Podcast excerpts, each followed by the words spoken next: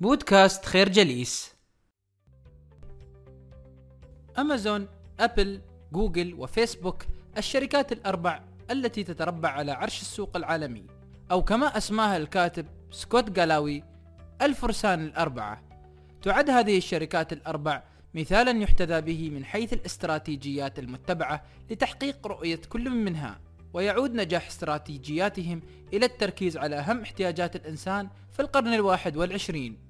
بداية من أمازون التي ركزت على مبدأ الحاجة للمزيد وبالتالي اختصت استراتيجيتهم في استثمارات ضخمة توفر مميزات للمستهلك كتقليص أوقات الانتظار وتكاليف المنتجات مع توفير مجموعة واسعة من الاختيارات مع ضمان وصول السلع في أسرع وقت ممكن.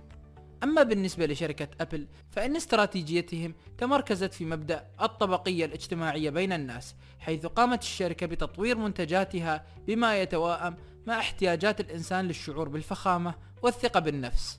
نتج عن ذلك تحقيق الشركة أرباح بنسبة 79% مقارنة بباقي الشركات في السوق رغم أنها تملك أقل حصة في السوق بنسبة 14.5% على صعيد آخر قامت شركة فيسبوك بتركيز استراتيجيتها على مبدأ التفاعل الاجتماعي والروابط الشخصية إذ يسمح الموقع ببقاء المستخدمين على تواصل مع الناس في كافة أنحاء العالم ويضم الموقع في شبكته أكثر من مليار مستخدم مسجل. أما بالنسبة للفارس الرابع جوجل فقد ركزت استراتيجيته على حاجة الإنسان للتواصل مع قوة تلبي له احتياجاته لمعرفة أجوبة الأسئلة التي تراوده حيث تعتبر جوجل الشركة الأكثر ثقة لتداول المعلومات من خلال عملية محرك البحث المستخدمة. وبذلك فقد كانت استراتيجية الفرسان الأربعة نموذجا واضحا للنجاح والتواصل مع العالم بما يخدم احتياجات الإنسان في العصر الحديث. الفكرة إن تركيز الفرسان الأربعة على أهم احتياجات الإنسان في العصر الحديث كان من أقوى عوامل نجاحهم وتفوقهم. يضع سكوت جالاوي بين أيدينا مجموعة من القواعد الأساسية لتأسيس شركة يمكن أن تصل قيمتها السوقية إلى تريليون دولار وهي واحد تمايز المنتج وهو أن يميز المستهلكون المنتج عن غيره من المنتجات سواء من حيث طريقة الشراء أو التوصيل أو الخدمات أو مزايا المنتج نفسه. تركز الشركات كذلك في الآونة الأخيرة على أسلوب الإزالة واتباع فكرة أن الأقل هو الأكثر على سبيل المثال قامت شركة أمازون بإزالة جميع خطوات استلام المنتج واستبدالها بخدمات توصيل المشتريات إلى باب منزلك بأقل عدد من الخطوات وأقل تكلفة من استهلاك وقود سيارتك للذهاب لاستلام مشترياتك. اثنان الرؤية القدرة على جذب رؤوس الأموال من خلال وضع رؤية واضحة على سبيل المثال ركزت شركة جوجل على استخدام رؤية بسيطة ومقنعة ألا وهي تنظيم معلومات العالم. ثلاثة الوصول للعالمية القدرة على التحول إلى العالمية. الشركات بحاجة إلى منتج يتعدى الحدود الجغرافية لتكون شركة كبيرة وذات مغزى. ومثال على ذلك شركة أبل التي تجاوزت الحدود ووصلت لدول في جميع أنحاء العالم. أربعة الإعجاب والتقبل. تكوين صورة إعلامية وهوية يتقبلها المستهلكون تعد من أساسيات تكوين شركات قوية. خمسة التكامل الرأسي هي القدرة على التحكم في تجربة المستهلك عند الشراء حتى في حال لم يصنع المنتج في الشركة نفسها فإنهم يعملون على التحكم بترويجه وتصديره وبيعه ودعمه.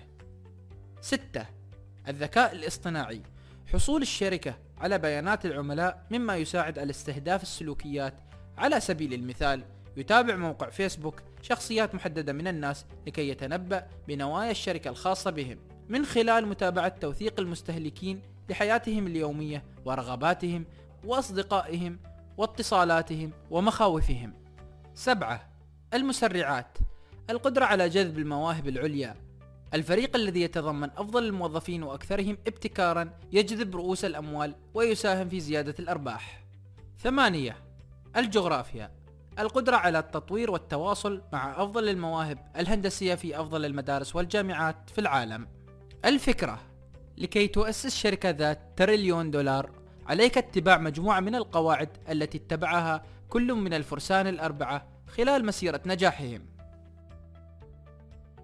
في يومنا هذا هنالك العديد من الشركات العالمية التي تنطبق عليها القواعد الثمانية لتصبح شركات ذات تريليون دولار تنقسم هذه الشركات إلى قسمين في وجهة نظر الكاتب وهما قسم التجارة الحديثة التي تحتوي على شركات جديدة لم تكمل ال 25 سنة منذ تأسيسها مثل شركة فيسبوك وجوجل. وقسم التجارة التقليدية والتي تحتوي على شركات تم تأسيسها منذ زمن أبعد مثل شركة أمازون وأبل. يتوقع سكوت جالاوي بأن الفارس الخامس سيكون شركة تعمل في مجال التجارة الرقمية وأنها سوف تحقق نجاحا كبيرا في السوق الأمريكي.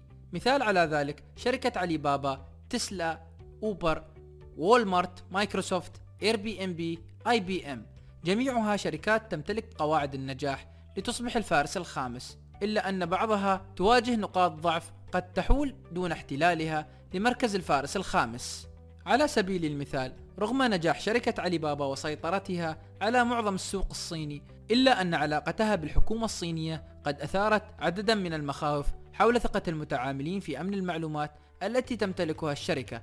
من جانب آخر شركة وول مارت بإمكانها أن تصبح الفارس الخامس ذلك يعود لامتلاكها أكثر من عشرة آلاف فرع في الولايات المتحدة مما يمكنها من أن تنشر أي منتج عبر أرفف محلاتها عبر الولايات المتحدة بكل سهولة وسرعة إلا أن وول مارت تجذب في الغالب شريحة معينة من المستهلكين الذين يمتازون بشيء من التقليدية وعدم تقبل التكنولوجيا والتغييرات الحديثة. بذلك تعتبر الشركات المذكورة منافسا قويا للفرسان الأربعة في حال تم تحويل نقاط الضعف لديهم لنقاط قوة وتطوير استراتيجياتهم بما يخدم احتياجات العصر الحالي. الفكرة هنالك مجموعة من الشركات القوية والقادرة على الانضمام لركب الفرسان الأربعة بل والتغلب عليهم وخاصة تلك الشركات العاملة في مجال التجارة الرقمية بعد اختيارك للجامعة التي تكمل فيها دراستك بعد المرحلة الثانوية من أهم وأول مراحل التخطيط للنجاح المهني. أشارت الدراسات بأن خريج الجامعة يحصل في المتوسط على عشرة أضعاف المال مقارنة بغيره. لذلك يؤكد سكوت جالاوي على أهمية اختيار الجامعات العالمية لكي يتميز الشخص عن أقرانه في سوق العمل لاحقا.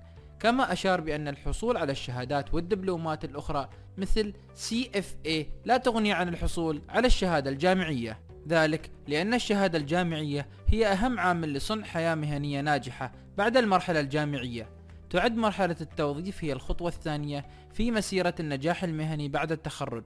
في هذه المرحلة من حياتك المهنية يجب عليك الالتزام بالمعاملة الحسنة والتحلي بالأخلاق الفاضلة والتعرف على أشخاص من شتى المجالات المهنية. بالإضافة إلى ذلك فمن المهم التخطيط لمسار وظيفي في بداية المسيرة المهنية من سن 22 إلى 34 وضرورة اتباع الموهبة وليس الشغف. في زماننا المعاصر أصبحت مواقع التواصل الاجتماعي من أهم وسائل التسويق والانتشار على المستوى الشخصي والمؤسسي على حد سواء ذلك لدورها الفعال في نشر وتسويق المواهب حيث تعتبر شبكة لينكد إن قناة تواصل اجتماعي مهمة تساهم في عرض السيرة الذاتية المهنية في سوق العمل العالمي. بالإضافة إلى ذلك يتطرق سكوت جالاوي لموضوع الاستثمار الشخصي وتأسيس الشركات. فعند البدء في تأسيس مشروع أو شركة صغيرة ينصح الكاتب بالبحث عن ثلاث أنواع من الأشخاص. الأشخاص ذو موهبة في البيع والأشخاص القادرين على تحمل الفشل العلني والأشخاص الذين لا يمتلكون الموهبة للعمل في الشركات الكبيرة. كما يؤكد الكاتب على ضرورة الاستثمار في الأصول المربحة لتصبح من فئة الأغنياء وأن الشخص الذي يكسب رقما معينا من المال يفوق مصاريفه يعتبر من فئة الأغنياء كذلك. الفكرة هناك استراتيجية للنجاح المهني في العمل تبدأ من المرحلة الثانوية وتستمر حتى بعد الحصول على الوظيفة.